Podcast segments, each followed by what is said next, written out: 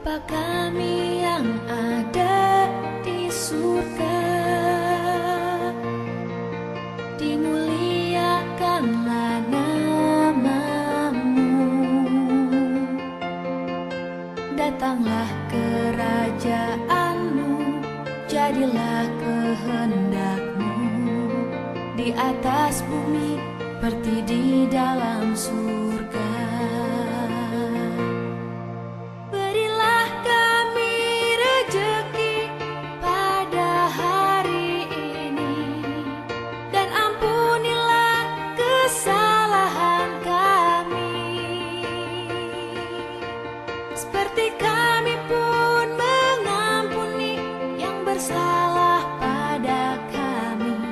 Dan janganlah masukkan kami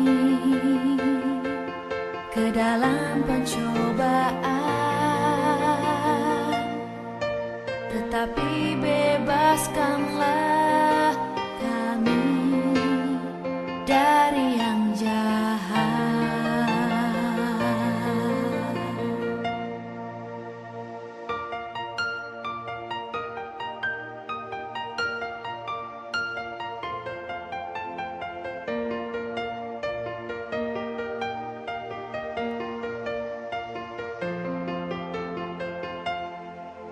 Bapa kami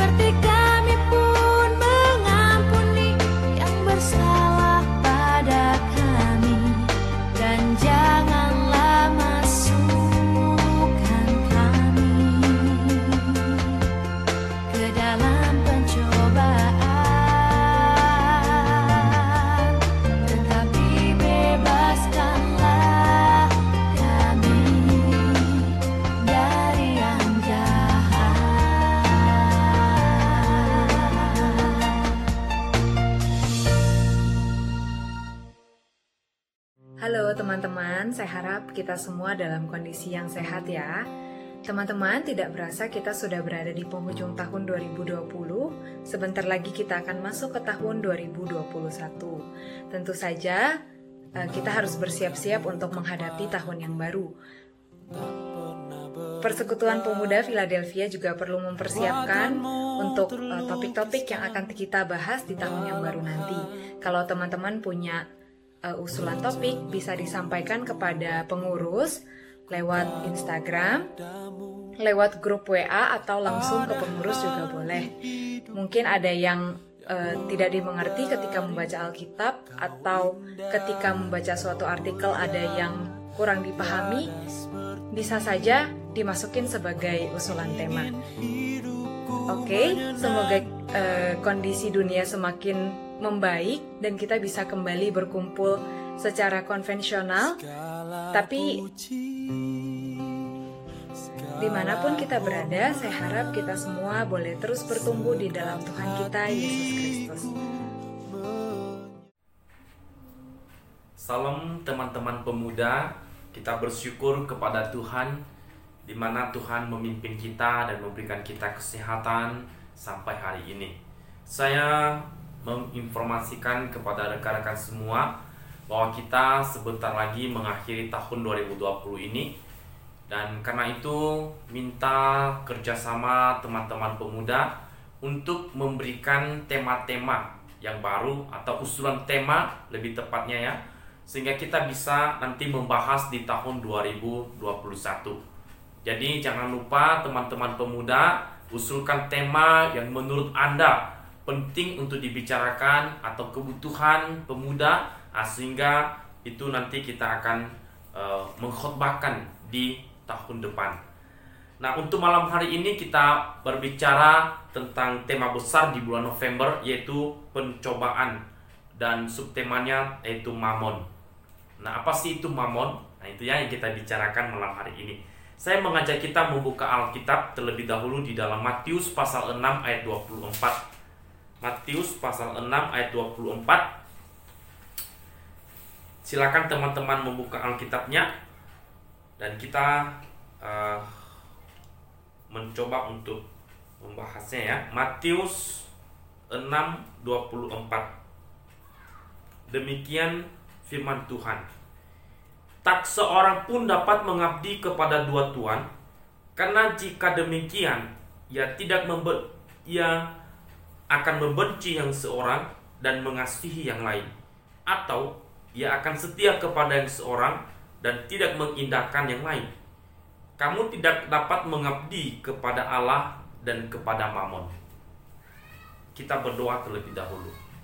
Tuhan, kami bersyukur ada waktu kami boleh dengar firman Tuhan melalui video ini.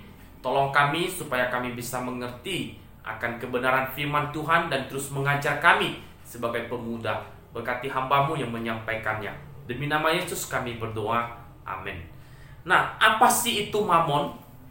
Nah, mamon itu adalah uang atau harta benda yang dituhankan. Itu ya.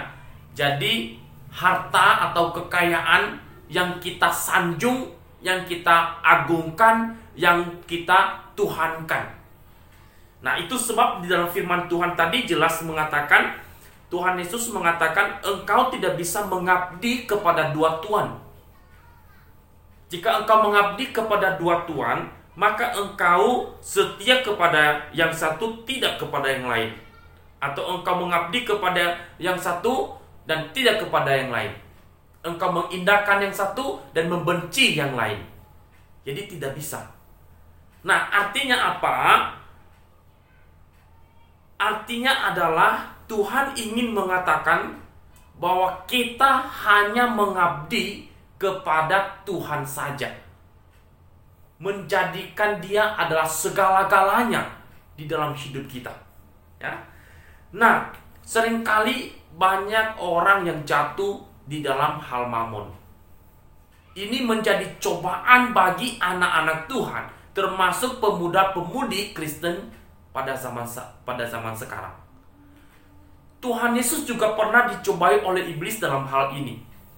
Misalnya teman-teman kalau membuka Matius 4 ayat 8, coba kita lihat.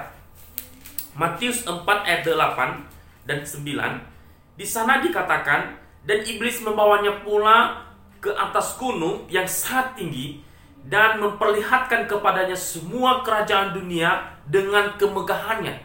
Perhatikan ya, semua kerajaan dunia dan kemegahannya. Jadi harta dan kekayaan. Kemudian ayat 9 dan berkata kepadanya. Jadi iblis berkata kepada Tuhan Yesus, "Semua ini akan kuberikan kepadamu jika engkau sujud menyembah aku." Hah, iblis ini mencobai Tuhan Yesus dan mengatakan semua kekayaan dunia ini, semua keagungannya, semua kemegahannya akan kuberikan kepadamu jika engkau sujud menyembah kepadaku. Jadi ini cobaan iblis nih tentang harta. Nah hati-hati sekali. Tapi Tuhan Yesus menjawab dengan firman juga. Dia mengatakan ada berfirman hanya menyembah kepada Tuhan saja.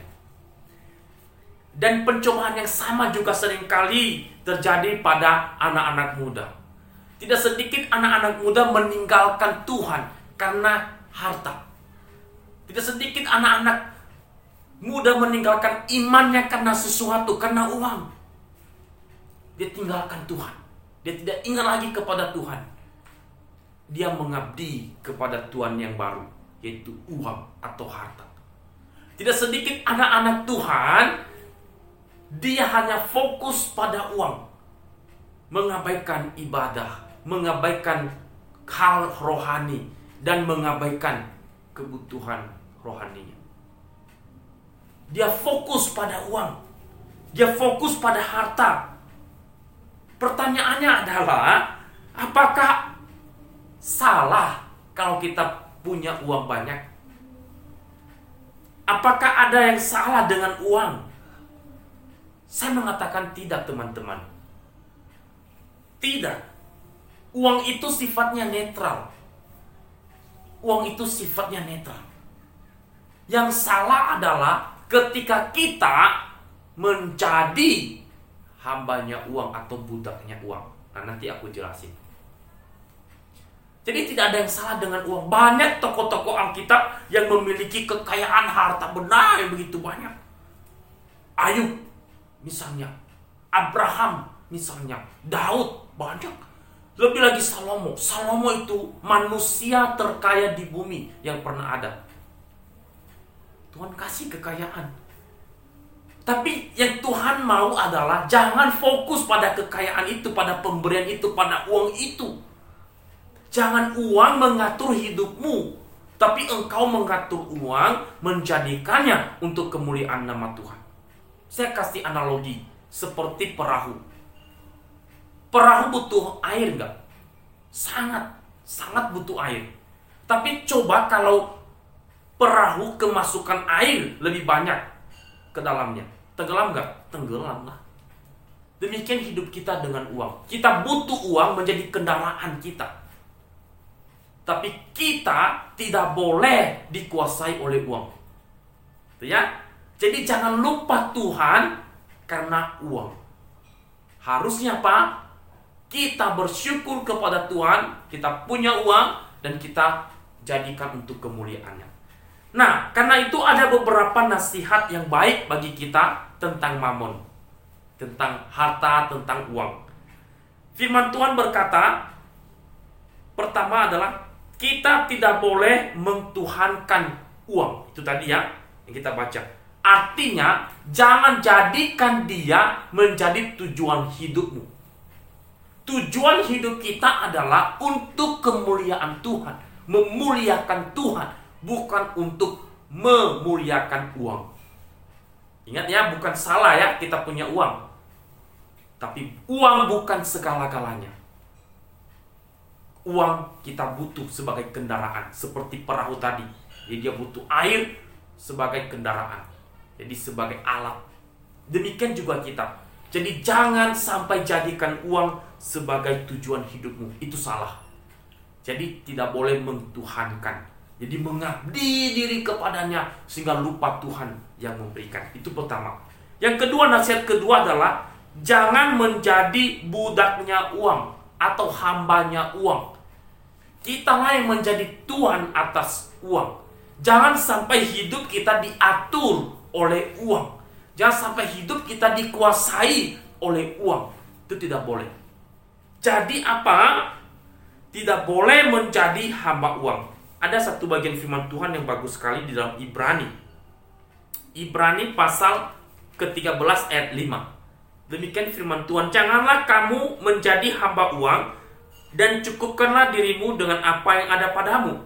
Karena Allah berfirman, Aku sekali-sekali tidak membiarkan engkau dan aku sekali tidak meninggalkan engkau. Jadi kita tidak boleh apa? Jadi hamba uang. Jadi kita tidak boleh dikuasai oleh uang. Kita tidak boleh diatur oleh uang itu sendiri.